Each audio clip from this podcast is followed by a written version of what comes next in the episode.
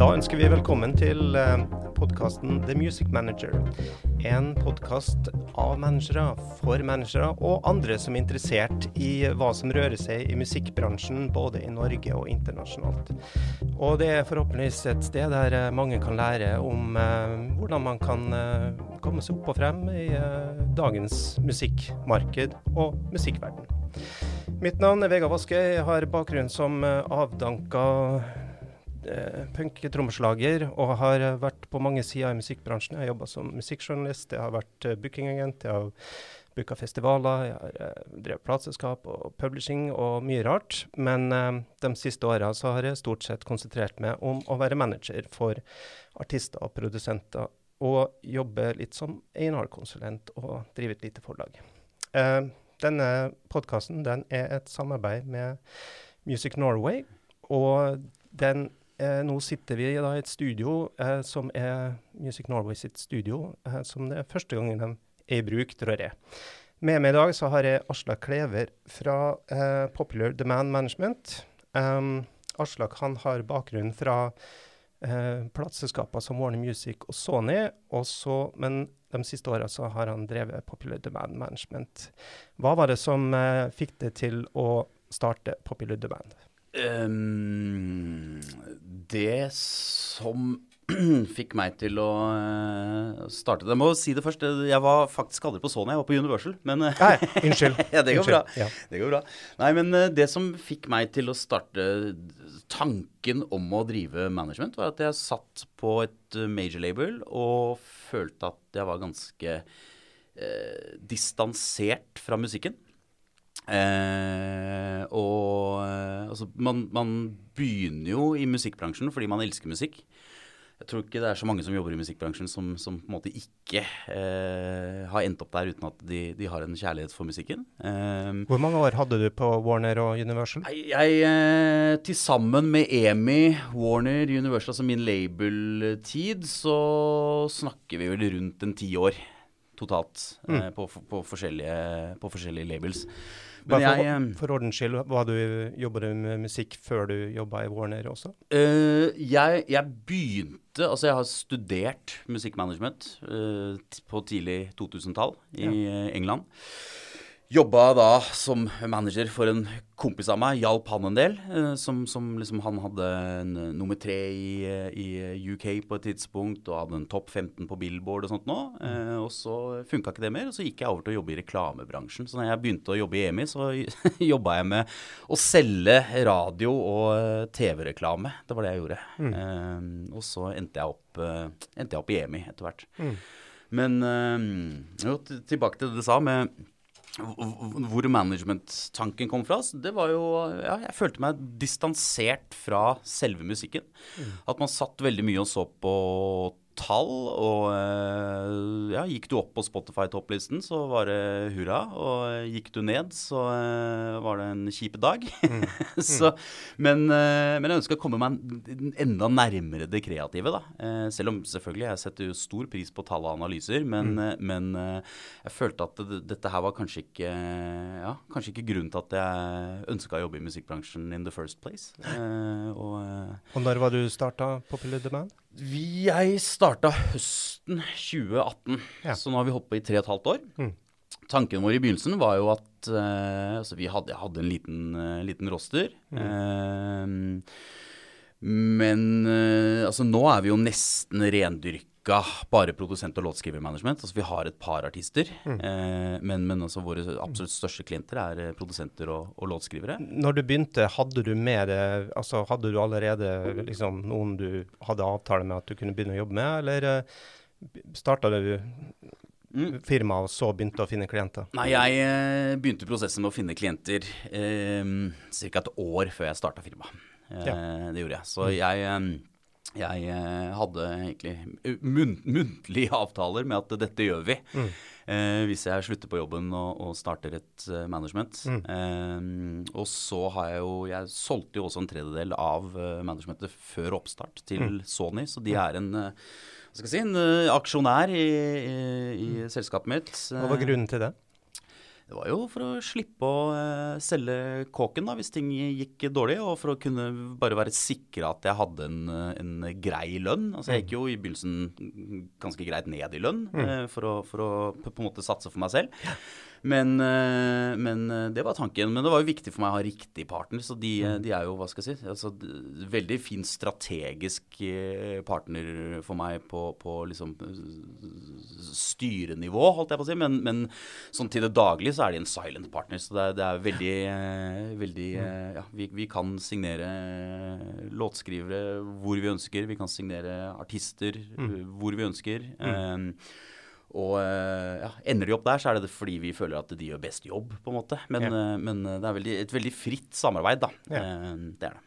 Mm. Uh, og hvem er vi nå, eller hvem er det utover du? Uh, du er jo Force of Nature, men ja, nei, hvem andre er involvert i firmaet? Når jeg sier vi, så, så snakker jeg jo egentlig om, om meg og, og, klientene, på en måte. Men vi, ja. vi, er to ansatte, så det er meg og, og en ansatt som har vært der i rundt et års tid. Så vi er en liten operasjon med to personer. Ja. Hvor mange klienter har dere? Per i dag så har vi åtte åtte management-klienter. Mm. Eh, det har vi. Mm. Eh, og så har vi noen co-publishing-avtaler eh, med, med, folk som vi ikke har management på. Eh, mm. Da hovedsakelig egentlig sammen med Universal Publishing. Mm. Eh, men det er jo en ting som vi eh, kanskje tenker mer om på, på framtiden. Altså jeg tror jo vi kunne jo aldri hatt åtte artister eh, med to personer. Mm. Det hadde vært altfor mye å gjøre. Mm. Eh, men på låtskriver-produsentsiden er du på en måte slipper å ja, promotere det og skyte musikkvideoer og markedsføre det og lage markedsplaner og sånne ting, så, mm. så går det akkurat rundt på to personer. Det er lange mm. dager, men ja. det går greit. Bare for å rulle litt tilbake for, med tanke på at det er jo ikke alle som er så godt inne i ting som er og det, med tanke på forskjellen på man, hva et management gjør og en publisher gjør. Nei. Kanskje du kan forklare litt uh, forskjellen der? Ja, altså øh, En publisher er jo øh, Alle våre klienter har jo publishere også. Eh, det er jo en veldig viktig del av deres eh, team eh, på, på, på låtskriversiden. At vi har altså, Og det, det, det, kan være forskjellig fra klient til klient hvor de er i karrieren sin, hva vi trenger fra den publisheren. Mm. Men jeg vil jo si at den største forskjellen er jo at på, på management-siden så er vi jo også veldig mye mer involvert altså, til daglig både med liksom oppsett av firma, økonomien deres. altså, vi, vi, begynner jo ofte der med klienter. Mm. I hvert fall fall hvis de er etablerte at vi, eh, vi, Hadde vi fått en ny klient som, som, var relativt etablert, så hadde vi begynt å se der på det først. Det syns folk er veldig kjedelig. Eh, mm. At vi begynner med liksom, ok, men hvor, hvilken selskapsstruktur har du? Mm. Hvordan er skatten din satt opp? Mm. Uh, hvordan er regnskapssystemene dine satt opp? Mm. De tingene der. Så, mm. så etter to-tre måneder så kommer vi i gang med, mm. med, det som faktisk betyr noe, da. Men, men, men, det er jo en veldig viktig og oversett del. Jeg har jo jobba med mange opp ja. gjennom årene som har gått konkurs uh, flere ganger fordi at de ikke har hatt uh, strukturen sin uh, opp og stå veldig tidlig ja. og betale skatt og moms og etc. Liksom. Ja, er det noen spesiell modell der du vil anbefale for um, uh, Nei, altså det, det, det, varierer jo fra klient til klient, men, men altså det første vi setter Hvis vi har en helt Hvis vi har en helt ny klient, da så, så, er det jo det første vi ser på. Altså, hvordan skal vi få deg til et punkt der du kan konsentrere deg på musikk 100% hele tiden? Eh, altså, sånn at du kan slutte å jobbe på Kiwi eller i barnehage eller uh, ha en mm. deltidsjobb. Da. Det er på en måte det første vi ser på deg. Da, da, da går vi jo ikke inn og lager AS med en gang, men da, da legger vi en plan for at ok, hva, hva det du, hva, hvor mye trenger du for å betale husleie, hva trenger du for å leve? Og så Første mål er å komme seg dit. Mm. Mens med mer etablerte så, så handler det jo mer om, eh, om eh, ja, hvordan er dette strukturert, liksom, altså, ja, f.eks. skattemessig og momsmessig, og liksom, hva, hva, er den beste setupen for deg? Og mm. når jeg mener beste setupen, så handler det også om at klienten gjerne skal bruke minst mulig tid på det. Mm. Eh, at vi også har en effektiv setup, mm. eh, der de slipper å sitte og tenke på eh, utfaktureringer og innfaktureringer og, og eh, altså års, eh, ja, årsresultat og liksom altså, De må jo selvfølgelig tenke på at ting går rundt, men, men, at de slipper å faktisk utføre jobben. At vi har noen andre som gjør det. Mm. Eh, sånn at de kan konsentrere seg 100% om å bare være kreative. Og, og så lite som mulig om, eh, om eh, prosenter og penger og sånne ting. Mm. mm. Um, uh, det her med moms og um, Tono uh, og det der er der, altså ja. Kan du forklare meg litt litt uh, Hva er liksom problemstillingen for uh, dine klienter der, i forhold til moms? Det er kanskje et kjedelig tema men, ja, for er, mange, men det er også et, et viktig ja. tema. Ja, nei, det er jo et gørrkjedelig tema, men, uh, men, det er jo Per i dag så finnes det jo noe som jeg vil karakterisere som en liten sånn gråsone i norske momslovverk. spesielt hvis du begynner å ha store utenlandsinntekter. Der Tono eller publishere betaler jo ikke ut eh, penger med moms. Eh, fordi de er eh, I utgangspunktet så er du momsfritatt så lenge pengene går rett til opphavspersonen. Mm -hmm. og det gjør det jo hvis du har et enkeltmannsforetak. Men hvis du har et AS, så, så, betyr det at da går pengene til en annen juridisk entitet. Mm. og da er du per definisjon pålagt å betale moms. Mm. Eh, men når Tono og publisher også utbetaler uten moms, mm. eh, så betyr jo det at eh, opphavspersonen kan tape 25 mm. Fordi de, de, må betale momsen, men de, de, får ikke fakturert med moms. Altså du får en autoutbetaling fra Tono. Mm. Eh, og det er jo eh, det er jo til tider eh, krevende. Mm. det er jo ikke helt heldig at vi, vi har et oppsett som, som, som gjør ja, jeg, jeg, mener jo at det, det gjør det vanskelig å vokse som opphavsperson mm. i eh, Norge. Eh, hvis du faktisk profesjonaliserer driften din og, og, eh, og begynner å, å, å, ha betydelige inntekter, så sitter du da fort i en situasjon der du egentlig tjener ganske mye mindre enn det du burde, fordi at ja, Skatteverket og forskjellige aktører kanskje har sovet litt i timen. da. Vi, vi har vel en kultur som kanskje er litt mer bygget på at, uh, på at uh, kulturbransjen det er, det er, moro, liksom. Det er ikke næring. Mm. vi ønsker å drive næring og mm. tjene så mye penger som mulig for våre klienter. Mm. Uh, og Derfor så føler vi at det, den momsproblematikken som er nå, der du f.eks. da har et AS, men må betale moms, men du får ikke fakturert med moms, mm. er problematisk. Og vi ser jo på om vi eventuelt skal flytte rettigheter utenlands, da. Det er vel mm. sikkert ikke så populært å si når man sitter hos Music Norway, men eh, Og vi skulle jo ønske at vi ikke måtte, eller satt i den situasjonen heller. Men det er nå i hvert fall en prosess der nå. Nå er det en prosess. På, og der har du vært med å sette ting på agendaen og fått uh, litt fart i ting. Ja, håper For det er, jo, det er jo litt sånn at det har jo kanskje bare falt litt mellom uh, stolene, det temaet. For det har jo også vært et veldig smalt Det er ikke det som har brent mest i Finansdepartementet mange, for å si det på den måten? Nei, det skjønner jeg jo. Og, ja. og, så er det jo det, det, det er jo ikke det som har brent mest i musikkbransjen heller. For dette her er jo altså Tono har 38 000 medlemmer. Mm. Eh, og jeg vil jo si at det er jo en ørliten promille av uh, medlemmene som har denne utfordringen her. Ja. Eh, så, så hvis, de, eh, hvis, de, hadde tatt en undersøkelse hos sine medlemmer, da, er du, er du bekymra for moms, mm. så hadde jo de fleste sagt det er vi absolutt ikke. Men, men eh, for mange av de største opphavspersonene så er dette en reell utfordring. Og jeg er mm. småredd da for at vi for en svekka musikkbransje på lang sikt fordi folk velger å gå til utlandet. Så eh, jeg mener at det, det brenner litt, og at man burde gjort noe med saken. Mm. Mm. Eh, litt tilbake til eh, det med management og i forhold til pub publishere og sånt. Ja. Sånn, eh, hvis du det med dine klienter som har publishingavtaler, hvordan jobber du i tospann med publisheren deres? Ja, nei, det er Altså, det, det, det, varierer jo fra klient til klient. Noen eh, Altså, vi har jo vi har jo et par klienter som, som uh, er med indie-publishere i USA. Mm -hmm. uh, vi har andre som er med majors uh, basert i Skandinavia. Mm. Og, men det Altså sånn til daglig så Vi snakker jo med absolutt alle publisherne til daglig har en dialog med de om hva er det smart for klienten å gjøre?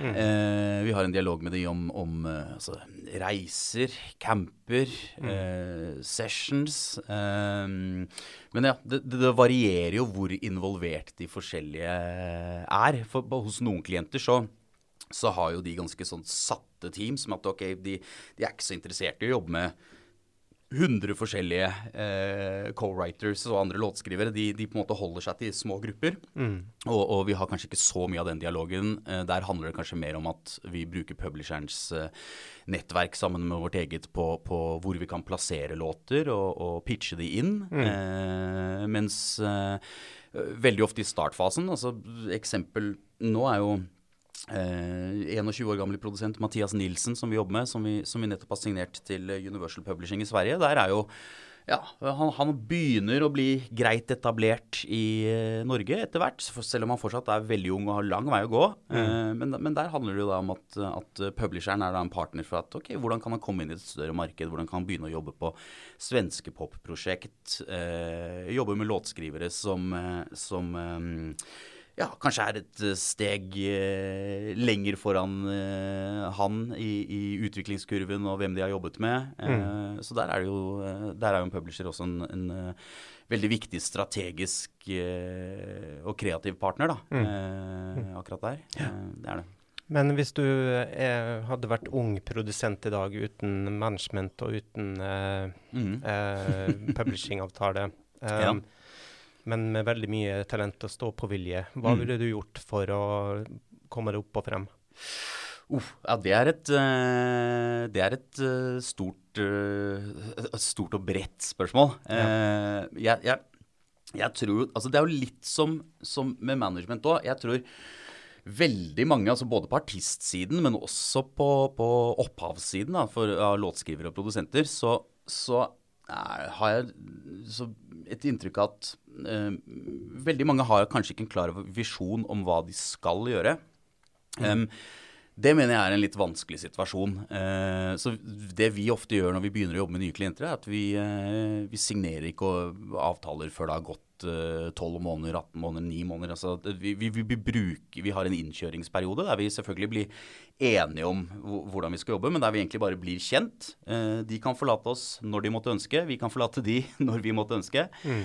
Uh, men det er også litt for, for, for, at vi faktisk skal bli kjent med personen og, og, og finne ut at uh, vi er på samme bølgelengde. Mm. Uh, og, og, at vi på en måte får sense-sjekka at de, de, har en kreativ visjon og et ønske. Jeg tror det er veldig vanskelig hvis um, hvis, hvis teamet bak skal drive alt, mm. og at det ikke uh, det kreative liksom, og, og, retningen på ting må genuint komme fra personen som, som faktisk gjør arbeidet, da, ikke mm. teamet. Mm. Eh, og Det samme gjelder jo på plateselskapssiden òg, med artister der. Jeg tror hvis, mm. du, hvis du signerer en plateselskapsavtale på bakgrunn av at uh, jeg er ikke helt sikker på hva jeg skal gjøre, det vet sikkert uh, Universal eller Sony, så tror jeg da har du et vanskelig utgangspunkt. da. Ja. Men um, men hadde jeg vært en helt ny eh, produsent i dag, så er jo det første Altså, en publisher kan jo være en, et, et, en superbra partner. Eh, det kan jo en manager òg, men det kan jo, også, kan jo også, bli katastrofalt dårlig. Mm. Eh, hvis ingenting skjer, og du får det forskuddet, og så tar de aldri telefonen, på en måte. Mm. Eh, så sitter du der. Mm.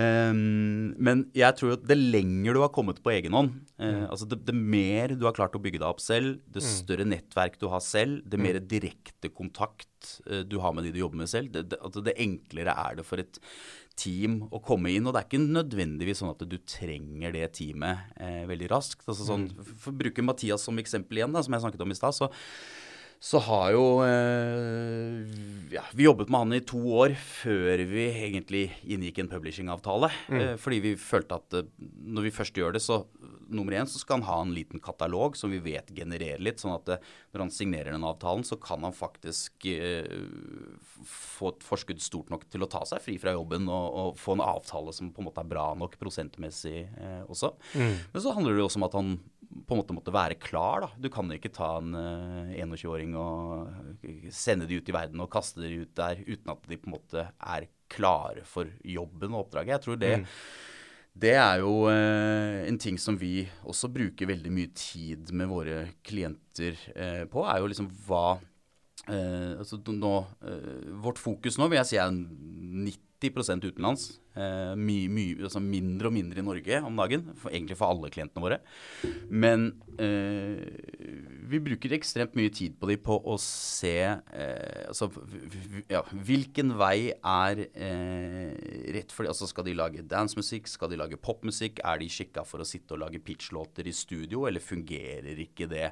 Fordi må de inn med artisten og jobbe på et helt annet sett? Eh, men så og vi ser også på de kreative tingene. Altså, øh, en av klientene våre, Jesper Borgen, har jo altså, øh, skrevet mye store dance-ballader. Altså, han er en singer-songwriter dypt dy, innerst inne. Mm. Uh, og så har han på en måte endt opp et sted med, med jobben sin med Alan og sånt, og der han, der han Det har blitt veldig mye dance-ballader. Mm.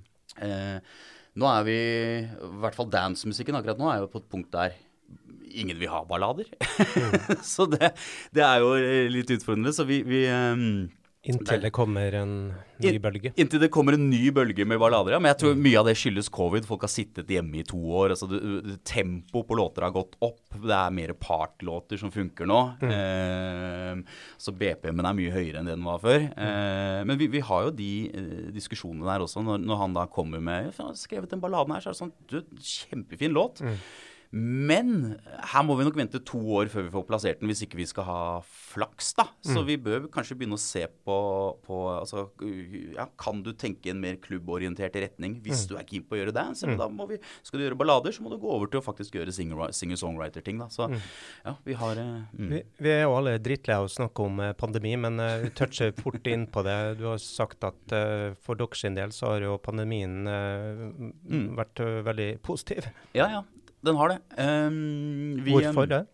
Nei, vi var, vi var jo uh, skulle si mye av det er jo flaks òg, men, men um, vi, uh, vi uh, var et sted Eller ja, ta, ta, et eksempel, da. E, Erik Småland, som jeg jobber med, og Chris Tømmerbakke, for så vidt. De var jo heldige nok til at eller Erik eh, skrev og, og koproduserte eh, Alan Walker Ava Max eh, Alone Part 2, som det heter. Eh, To-tre måneder før pandemien kicka inn. Mm. Og bare en tre-fire uker etterpå så, så, hadde de en topp tre på, på, tysk radio med Robin Schultz. Mm. Og så kom pandemien. Eh, men det de to låtene der åpna en del dører for oss under pandemien. For da hadde vi Det var to låter som var topp 200 globalt på Spotify. Mm. Eh, og hadde såpass mye interesse og innkommende arbeid eh, mm. som et resultat av det. Ikke bare for de, men også for andre klienter. For vi kan jo bruke det samme nettverket på å på en måte eh, åpne dører for de også. Mm. Eh, men vi hadde såpass mye interesse og innkommende arbeid uh, i, i, større marked da, at, uh, at uh, det gjorde at ja, vi kom, oss, eh, vi kom oss, inn på prosjekt eh, og i, i, med forskjellige artister via Zoom, da, og også med forskjellige låtskrivere, på et nivå som eh, vi ikke hadde gjort tidligere. Som vi på en måte hadde slitt med å komme inn på mm. tidligere. Mm.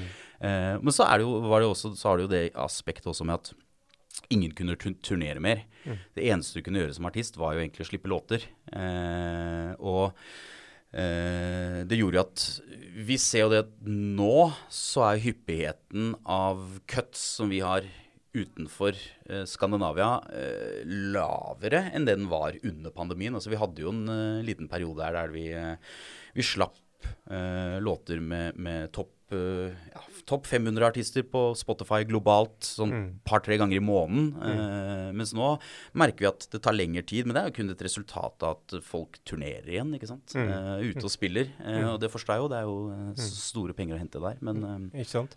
Altså, jeg sier ofte til dem jeg jobber med, at man må liksom bare holde på, holde på, holde på til det kommer en tipping point. Ja. Og det vet man ikke helt når det kommer. Det kan komme litt sånn ut av det blå. Ja. Og det virker jo som den Ava Max og Robin Schultz, det var liksom sånn tipping point for, uh, for dine sine, da?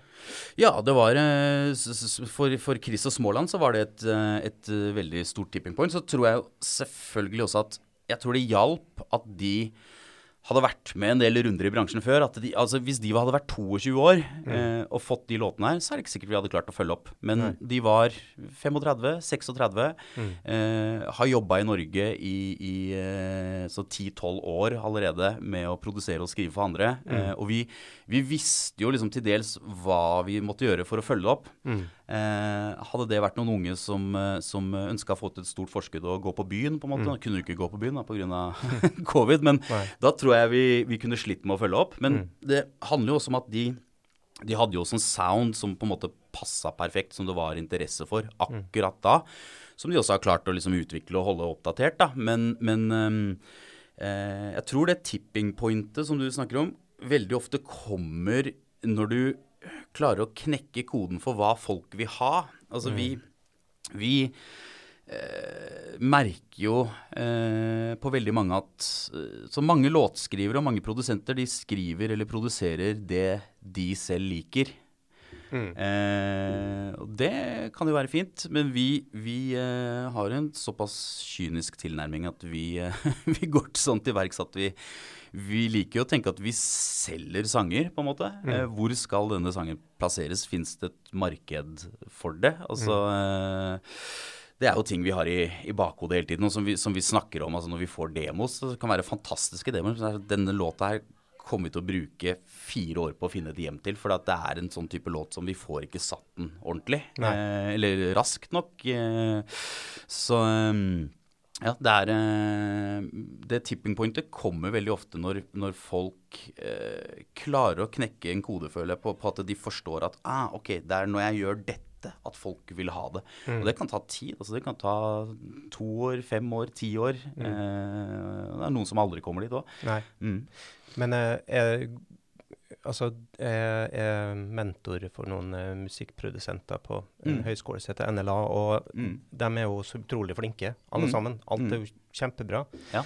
Uh, og da blir det jo Sånn var det ikke før. Uh, det var gjerne liksom eh, at uh, kvalitetsnivået var mye lavere da. Mm. Og da tenker man jo at eh, Og det å på en måte slå seg opp og inn i en bransjen Mm. ikke bare altså, Det handler nesten litt mindre om hvor god du er til å produsere og skrive låter, om kanskje mer om dine individuelle ferdigheter på mange andre felt. Det kan jeg si meg enig i. Mm. Eh, Og, og hvilke egenskaper er det liksom som er, er liksom viktig å jobbe mest med? da? Ja, nei, altså jeg er jo um, Du toucha kanskje litt på det i stad, men jeg, jeg er jo egentlig fan av at de kreative bør ha så mye dialog direkte med hverandre som overhodet mulig. Eh, altså jeg tror det, det er jo um, det, det er veldig lett å sitte og si nå, men, men det, det nærmere du kommer de du jobber med, og det mer direkte dialog du har som ikke har behov for å gå via management og sånt noe. det større suksess kommer du mest sannsynligvis til å ha. Eh, for du slipper rett og slett et ledd, liksom. Så, så kan selvfølgelig management komme inn og, og gjøre den jobben som vi skal når kontrakter skal settes opp, eller vi kan hjelpe med, med en strategi, liksom. Men jeg har jo også klienter som har har hatt internasjonale låter som er forferdelig dårlige på å kommunisere med folk. Eh, der vi liksom har uh, så, uh, så trenger ikke nevne navn, men jeg satt med en klient av meg for et halvt års tid siden, og så begynte vi å gå gjennom ok, hvem kan du tenke deg å jobbe med. Eh, og da hadde vi satt opp en liste som vi trodde var bra, så hadde klienten satt opp en eh, liste på, på mennesker. Og, og på vår liste så var det sånn ja, men så 30% av deres liste har jeg jobba med. Så var det sånn, å ja, kult. Har du noe kontakt med det i dag? Nei. Litt så, ok, hvorfor? Men du, du var i studio med den personen i London eller Los Angeles, uh, men du har bare ikke Og den personen har da siden lagd verdenshits, men du har bare ikke snakka med dem? Nei, det stemmer. Og det er litt sånn Hva, hva har skjedd der, liksom? Så det er jo, men det er jo forskjell på folk òg. Det er jo ikke alle som er skapt på en måte til det sosiale der, da. Nei, og det er jo det som er litt uh, altså, utfordrende. At hvis Ja. du ikke er liksom en, eh, en networker av rang, Mm. så stiller du eh, Er det mye tyngre å slås opp og frem, uansett hvor Det det. dyktig du er? Det er det. Veldig mye tyngre. En annen ting som vi også har forstått etter hvert, er jo, eh, er jo altså Nå, nå sa jeg jo i stad at vi, du, du slipper å, å, å promotere og markedsføre musikken du lager. Men en ting som tok litt tid for oss å forstå, er jo at du er nødt til å også brande produsentene og låtskriverne dine på et sett. Eh, altså vi jobba ekstremt lenge uten å, å, på en måte ha noe videre utarbeida bioer eller noe, altså, altså eh, presentasjoner av de sånne ting. Men nå eh, har, Vi har showreels på alle klientene våre. Eh, vi passer på at Wikipedia er oppdatert, eh, og at liksom, det, er, det, er, veldig enkelt å finne informasjon på de. Ja. Og at vi også går ut med den informasjonen når vi skal sette låter. Altså, det er jo ikke alle som bryr seg. En bra låt er en bra låt, men mm. Spesielt, altså Vi har jo begynt å jobbe mer og mer i Asia, spesielt uh, Korea, til dels også litt Kina. Mm. Uh, men der er de jo også sykelig opptatt av hva du har gjort før. Mm. Der en, eh, en uh, engelsk eller amerikansk artist eller A&R kanskje bare er mer opptatt av kun låta, og mm. det spiller ikke så stor rolle hvem som står bak, mm. så merker vi at uh, kommer du til k-popens verden og sier at uh, ja, men denne, mm. uh, denne, produsenten har hatt nummer én i 22 land, så, mm. så, veier det tyngre. Altså den, den låta blir litt bedre mm. i deres hode, da. Ikke sant. Ja, det bringer oss jo over til det temaet med forskjellige markeder. og Dere har jo både jobba opp mot det amerikanske markedet, det europeiske markedet, og det mm. skandinaviske markedet og det asiatiske. først og fremst kanskje litt, altså Hvis du skal uh, prøve å si det litt enkelt, hva er forskjellen på de fire markedene? Ja, nei, Jeg føler jo at vi er veldig langt unna USA. Altså Vi har jo vi har publishing partners som sitter der. Eh, vi har aldri hatt noen altså vi, vi, jo, vi har faktisk hatt noen, noen uh, billboard, altså spesielt dance og sånn. Så har vi i 2021 så hadde vi vel fem Fem låter, topp 20 på Billboard Dance Electronic. Eh, og hadde også et uh, låt, låt på, på, et uh, album som gikk uh, topp 10. Men, men jeg føler ikke at vi har knukket USA-koden overhodet. Men vi satt her for en del år siden og tenkte hvor, hvor skal vi fokusere? Um, og merker jo det at de fleste skandinavere drar veldig fort til LA. Og de tenker altså ok, skal du, skal du gjøre stor business, så må du til LA, og du må jobbe derfra. Uh, utfordringen med det er jo at hvis du ikke har en track record, så drar du ofte til LA, og så jobber du med altså er, Nå skal vi ikke sette folk i bås, men du jobber med CD-listelåtskrivere. Og, og, du kommer kanskje ikke inn døra med noen artister overhodet. Det er en veldig vanskelig vei å gå. Mm. Eh, så vi bestemte oss ganske tidlig for å, å, Altså, vi satt og tenkte at ok, men Tyskland det er verdens nest største radiomarked. Det er kun mm. USA som er større. Det er 90 millioner mennesker der. Eh, og det er 1 12 time unna med fly. Eh, det er superbillig å bo på hotell i Berlin. Flyene koster 399. Eh, og det er en langt mindre investering enn å, eh, enn å skulle være en måned i Los Angeles, som, mm. som er betraktelig mye dyrere. da. Mm. Så vi bestemte oss for å fokusere på Tyskland først, for det var det nærmeste store markedet. Mm. Jeg tror også det er viktig å si at det, det, den skandinaviske måten å skrive låter på er nok enklere å få gjennomslag for i Tyskland enn f.eks. England også. Mm. Så USA og England er jo enormt tekstdrevet mm. eh, i forhold til Sentral-Europa. da. Mm. Eh, du, du, kommer unna med det, det, det, handler jo bare om at de er engelsktalende. Men, ja. men eh, en ting vi ser på med våre låtskrivere, er jo at vi, altså de er utrolig gode på melodier. Mm. Det er mange folk som er fantastisk flinke på melodier. Eh, teksten eh, kunne vært bedre. Eh, jeg mm. tror det er Grunnen til at vi ikke har hatt flere USA-cuts, er eh, nesten utelukkende tekst. Mm. Um, så vi, nå er vi jo i en, en, fase der vi ser på at ok, hvordan kan vi få det inn med bedre, eh, bedre lyrics eh, writers. Mm.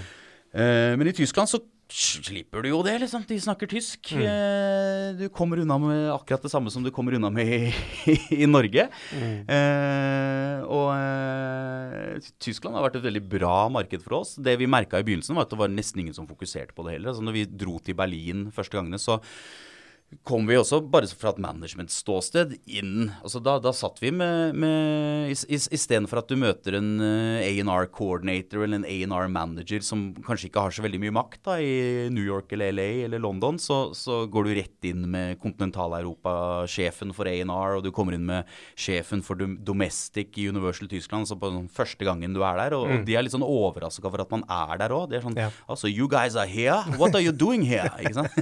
og det er litt sånn Ja, nei, men vi vi vil jobbe med Tyskland. Ja. Eh, mens det er også litt sånn i ferd med å endre seg nå. Nå er det ganske mange som drar til Berlin. Ja. Eh, ser det i feeden min, ja. Ja, ja, man mm. ser jo det. Men, mm. men det er jo Altså, det handler jo bare om at får du en hit der, så utgjør det altså, enorme summer i forhold til en, en, en hit i Norge, da. Mm.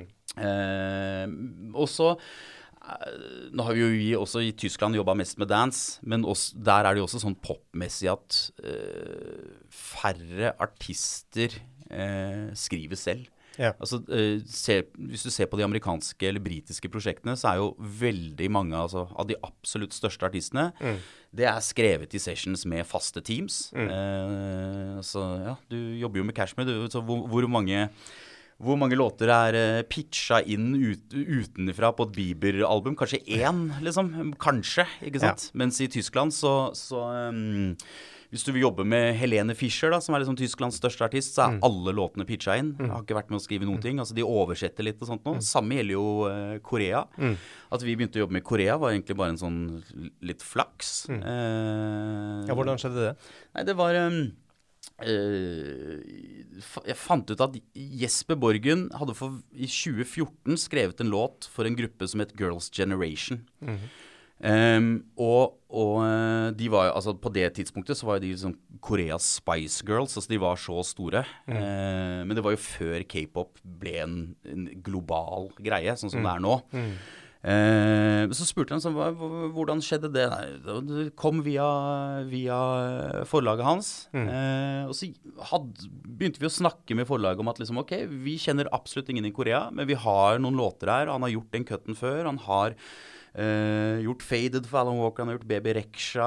Han har en del store ting som vi tror kunne funka der. Mm. Så vi begynte å, gjennom, gjennom uh, Warner Chapel, da, som er hans forlag, uh, å, å, få de til å pitche ting inn til Korea. Mm. fikk ganske raskt interesse for noen låter. Mm. Som gjorde at vi da fikk en direkte kontakt med, med noen labels, med ett label der mm. borte. Mm. Via de så ble vi kjent med flere labels, og så ble vi kjent med flere labels. Så nå, altså nå vi, vi kutter jo ikke sånn supermange låter der borte. Mm. Eh, akkurat nå så har vi en sånn seks-syv ganske store ting i pipeline. Som er store, så ting som ja, mest sannsynlig kommer til å gå topp ti eller topp fem. Mm. Eh, vi har hatt eh, tre nummer én der borte på to og et halvt år. Mm. Eh, men det er jo en helt annen måte å jobbe på, da. Mm. Eh, så du sender fra deg en låt, og så kommer de med veldig mye rare requests tilbake. Mm -hmm. eh, kan dere legge til en rappdel? Eh, kan dere legge til et dubstep-drop, for der skal de danse? Eh, mm. så det er ja, veldig, veldig mye rare, rare requests. Og så, mm. og så, oversetter de jo som vanlig, eller vanligvis bare låta, uten at det, mm. de endrer jo ikke produksjonen. De tar veldig ofte produksjonen akkurat som den er. Men de oversetter til koreansk og beholder noen engelske ord innimellom. Og sånt. Og så mm. blir du enige om en cut for den oversettelsen. da. Ja. Så beholder man resten av publishingen selv. Mm. Eh, men jeg syns det er jo et eh, Det som er forfriskende med Korea Så de tar hele låta, eh, så lenge man justerer dem til sånn som de ønsker det? Ja. Og de justeringene kan jo være I begynnelsen så var det jo veldig vanskelig å forstå for oss, for oss å forstå hva de mente. Ja. Sånn, Can you add a part for performance? Bare. Part for performance, hva er det for noe, liksom? Eh, så kom vi fram til til slutt ah, de skal danse i liveshowet. Ja. De må ha en instrumentaldel der de kan vise danseskills, liksom. Det er part for performance. Så, men uh, ja, det, det, tok noen uh, det var, ganger fram og tilbake før vi forsto det. da, Men det er jo det er også, si, det er jo et forfriskende ærlig marked å jobbe med. Mm. Eh, så der, der, andre land i verden kanskje prøver å overselge ting, mm. Altså, det her kommer til å bli kjempestort og sånt. Og så er de sånn dønn ærlige.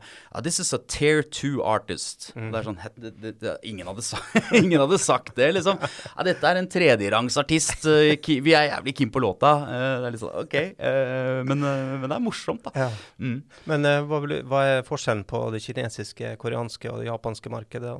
Ja, den er, gans, den er, ganske stor. Ja. Um, vi gjør det 30 sekunder. Ja, nei, vi har ikke jobba så mye med Japan. Uh, gjort et par låter der opp igjennom, men uh, Så det, det, kjenner jeg helt ærlig ikke så, så veldig godt til. Uh, største forskjellen, vil jeg si, på Kina og Korea er jo Altså, Kina har jo de har, har, veldig mye sånn tradisjonsmusikk. Altså, altså kinesisk gitar med synging og sånn tradisjonell kinesisk musikk. Og så er de utrolig opptatt av dance og klubb. Mm. Eh, det er liksom de to tinga de har. Mens Korea Og så eksporterer de jo ikke musikk. Eh, og, og, så har de jo heller ikke um, Eh, så, ja, de har jo heller ikke så veldig mange etablerte, store streamingtjenester. Så du kan jo få statements med sånn du hadde åtte milliarder streams, og så ser du på hva du fikk betalt for det, så var, var det ikke så veldig mye. Nei. Men det, det altså Korea føler jeg at de har jo bare bestemt seg for å bli best i verden på pop. Og der eh, Så vi har jo den utfordringen med låtskrivere eh, når vi har satt veldig mange av våre som vi da satt i sessions først for å skrive til Korea, de tok veldig enkelt på oppgaven. At de, de, altså de skrev litt sånn forenkla ting. Egentlig sånn som k-pop var for 10-15 år siden, der alt var sånn syrefarver og jenter i skoleuniform, liksom. Veldig sånn speisa ting. Men det er ikke de låtene de er ute etter mer. Altså det, det det, vi har i Korea nå, er ting som høres ut som Dua Lipa, ting som høres ut som Justin Bieber. Altså Produksjonsmessig så er det verdensklassenivå på de tingene. Eh, men du får en veldig Hvis du leser YouTube-lyrics, så er det veldig rare tekster. Ja.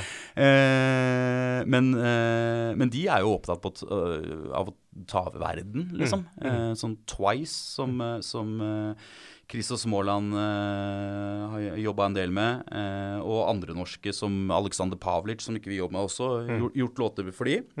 De, eh, de solgte jo ut LA Forum eh, i Los Angeles tre kvelder på rad. Eh, så da snakker vi om at du har solgt, eh, solgt en 40 000-50 000 billetter eh, totalt. Det er liksom det, ja, det er eh, vel egentlig ingen andre internasjonale marked som, som har blitt så internasjonale som k-pop. da. Selv om det er, det er fortsatt nisje. Eh, men, men det er så utrolig fanbasert. Eh, så ja, jeg føler det, det er veldig interessant å holde på med. Og man forstår veldig lite. altså Vi forstår veldig lite av det. Vi har begynt å forstå hva slags type låter de vil ha, men, men hvordan de markedsfører det, og helt, altså, det er helt eh, merkelig å se på. Men uh, dere har jo hatt et uh, Dere er jo veldig internasjonalt orientert uh, og Ja. fokuserer veldig mot internasjonale markeder. Hvordan eh, Men fra et sånt uh, musikkeksportperspektiv, hva er det mm. som uh, skal til for at man skal få eksportert mer musikk fra Norge? Hmm. Ja, det, ja, det er vanskelig spørsmål. du, Ja. En ting er liksom den musikalske kvaliteten, men eh, hvordan er det med infrastrukturen generelt? Eller hvordan kan man bedre infrastrukturen? Ja, nei, jeg, jeg tror jo den, den musikalske kvaliteten har vi jo. Jeg tror hvis du, hvis du ser på noe Altså, Er det én del av den norske bransjen som kommer til å ha eksplosiv vekst da, de neste 10-15 årene, så er det uh, låtskrivesiden.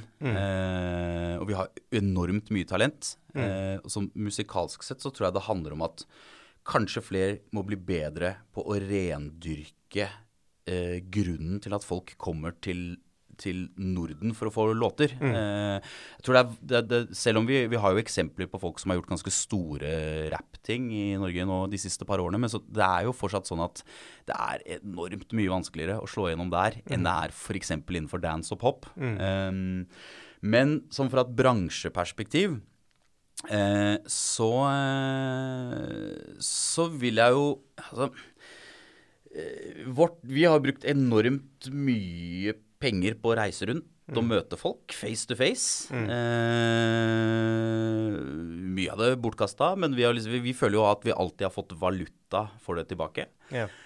Eh, men eh, man merker jo det at altså, den, Nå jobber jo vi i et ekstremt kommersielt landskap i forhold til veldig mange andre, men du merker jo det at der der Norge tradisjonelt sett har hatt suksess, er jo innenfor ja, hva skal jeg si, mer kredible sjangere eh, eh, enn det vi holder på med, som er uberkommersielt. Eh, og der merker vi at det, det, det nettverket er jo relativt dårlig i Norge akkurat der. Eh, jeg tror vi Eh, og, og bare viljen til å gutse og hoppe ut i det, tror jeg også liksom kanskje skremmer mange, da. Eh, men du, du må ikke være redd for å feile. Altså, jeg husker jo når jeg, eh, jeg jobba på EMI for, for mange, mange år siden, så så ha, eh, signa vi Nico Vince. Eh, og Nico Vince og Amanuel, som var manageren deres da, eh, var sykelig opptatt av å lykkes i utlandet, og hadde troa på det. Og da satt vi som plateselskap og sa nei, nei, slapp, slapp av, gutter. Det, så lett er det ikke, liksom. Det er ingen som har gjort det her siden a-ha, ikke sant. Eh, hvis ikke de hadde hatt den driven og den viljen eh, og den troen på at de skulle klare det, da, eh, selv altså Det var ikke plateselskapet som pusha det, var de selv som var primusmotor for at det skulle gå bra. Eh, så hadde de aldri kommet dit. Eh, men, eh, ja, men det, det, er, det, er, komplekst. Men jeg tror liksom nettverk innenfor akkurat det du driver med, og en forståelse for hvorfor vil folk ha nordisk musikk. Altså Det vi er gode på her, er ganske store, pompøse popmelodier. Mm. Eh, så jeg vet ikke hva det er, men om det er liksom det norske og også det svenske språket som gjør at vi har en, en, en melodispråk da, som, som, er ganske unikt i mm. internasjonal mm. sammenheng. Mm. Eh, men jeg tror det er viktig å forstå det. Eh, jeg husker jeg hadde en call med Altså teamet til, til Alok, Sør-Amerikas største DJ. Mm. Og, og da hadde vi aldri jobba med det. Nå har vi gjort, for det siste året har vi gjort en tre-fire låter sammen. Eh, og det første de sa til oss, var sånn Vær så snill, ikke send oss latinoting, liksom. Vi får så mye latinoting fra folk i Europa, og det høres feil ut. Mm. Eh, høres ikke riktig ut. Altså, de skjønner ikke koden. De sitter i Stockholm eller Oslo og, og, tror at de lager noe som høres ut som det kan funke i Latin-Amerika. Men ikke mm. send oss det. Vi vil ikke ha det, liksom. Vi vil bare ha europeisk dance. Skal mm. dere sende oss noe, send oss det. Um, men um, men, ja, det er jo ofte en utfordring at man kan sitte i et land som Norge og tenke hm, hva er det de trenger i det markedet, la oss høre på hva de lager der. Ja. OK, vi lager noe sånt. Mm. Jeg hadde en interessant call her uh, forrige uke med en manager for en av liksom, verdens største DJ-er. Og så spurte jeg ja, hvis vi skal pitche noen låter, hvordan type låter er han er interessert i. Mm. Uh, ja, da må du absolutt ikke sende oss noe som låter sånn som han låter. Da må du, ja, ja. du må sende noe som han kanskje ikke veit at han egentlig vil ha. Ja. ja. Uh, som er jo en spennende pitch, men det, litt av en utfordring. Det er veldig spennende. Så vi, vi hadde samme, samme, prat faktisk med, med publisheren til, til, en av klientene mine i, i, går. Fordi han spurte om liksom, ja, men har vi en brief for akkurat det prosjektet. Og så, så, har vi liksom gang på gang sagt da at eh, ikke bry deg om briefen, liksom. For at, folk vil bare ha hits. Eh, mm. Men, og så var det bare eksempler med akkurat den artisten her, da. Så har vi, da har vi hatt klienter på en online-camp under covid med artisten. Eh, også veldig stor internasjonal DJ. Eh, og, og, den artisten gikk da inn og ut av de forskjellige Zoom-rommene og kom med feedback og sånt noe. Mm. Fire dagers camp, masse forskjellige Zoom-rom. Ingen låter ble kutta. Så artisten tok ingenting fra der de selv var deltakende. Og så har vi i ettertid da hørt fra plateselskapet i, i, LA Nei, eh, denne artisten ser etter det. Eh, så har vi sendt sånne ting. Aldri fått kutta det. Og så har vi hørt en annen ting fra plateselskapet i New York, altså på østkysten, for det er jo alltid forskjellige A&Rs, men de mm. er også litt involvert. Altså de sier nei, jeg ser etter noe helt annet. Mm. Og så er det det europeiske plateselskapet, for her sitter det jo også noen folk som uh, skal få en låt til den artisten. De sier en tredje ting.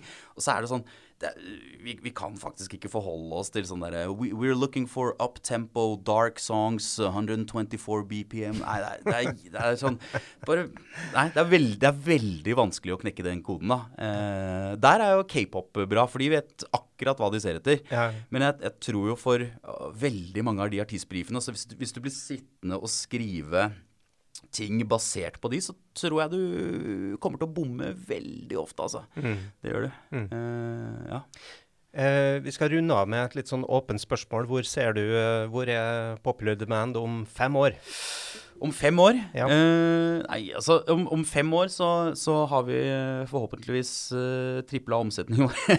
nei, nei, vi, nei, vi, nei jeg ser ikke på, på Popular Demand som et selskap som skal ha kontorer i, i, hele verden og 200 ansatte. Det er på en måte ikke ambisjonen vår. Eh, ambisjonen vår er å ha eh, en roster ca. tilnærma der den er nå. Gjøre en ekstremt god jobb, eh, forhåpentligvis, for de eh, som vi jobber med. Mm. Eh, og ikke ta på oss for mye jobb. Det har alltid vært eh, veldig viktig for oss. At vi faktisk kan levere for klientene våre. Mm. Men, men, det er jo sånn på, på management-siden også at du bygger jo ingen rettigheter. Mm. Eh, altså Hvis uh, klientene våre stikker, så da stikker de. Og så, sitter, så har man kanskje en sunset-klausul og får, mm. får, litt penger, men, uh, men det, det, tar, jo slutt til slutt, det òg. Mm. Eh, så vi ser jo mer og mer på publishing-siden av ting. Eh, der, altså På management-siden av ting så, så, så, kommer vi nok ikke til å vokse så utrolig mye. Men, men vi eh, ser jo det at vi etter hvert begynner å sitte på et nettverk som i norsk sammenheng er ganske unikt, da, og mm. ønsker kanskje å satse mer på, på publishing-biten. At vi Mm. knytter til oss eh, låtskrivere som vi kan eh, utvikle fra, fra publishing-ståsted, istedenfor Mm. at vi liksom skal inn og manage hele, hele karrieren deres. Eh, men sånn bortsett fra det, så eh, ønsker vi også å eh, pumpe ut så mye hits som mulig. Eh, Altså, jeg blir jo eh, vi, nå har vi hatt mål om eh, global topp 50 eh, de siste to årene. Vi har ikke klart det. Altså, vi hadde hatt eh, globale topp 100-låter. Vi har ikke Mm. klart å knekke den siste koden. Jeg, jeg, jeg føler at det nærmere du kommer internasjonalist, det lenger unna føler du at du er. Utrolig frustrerende. Jeg føler at vi har så sinnssykt lang vei å gå, da. Ja. Så, så jeg blir jo liksom, og flere av klientene våre òg, vi, vi blir jo drevet av litt sånn derre Faen, det er ikke bra nok, liksom. Mm. altså, vi skal jo selvfølgelig tenke at det vi har fått til, er kjempefint, og vi Mm. skal nyte det, men, men eh, vi, vi må jo ha en utvikling her. Mm. Eh, og etter hvert også så må vi jo eh, kanskje gå mer og mer fra dance inn i pop, popen. Mm. Og forhåpentligvis også klare å, å jobbe med mer amerikanske og britiske artister. Altså det er jo bakdelen med Tyskland. Du kan være veldig stor i Tyskland og Nederland, men det holder seg i Tyskland og Nederland og Sentral-Europa. Det, det blir Mm. ikke globalt. Nei. Så eh, det er jo eh, det er målet. Det er det. Supert. Ja. Ja, men Kjempebra. Tusen takk til deg, Aslak Kleve fra Popular Demand Management. Veldig hyggelig.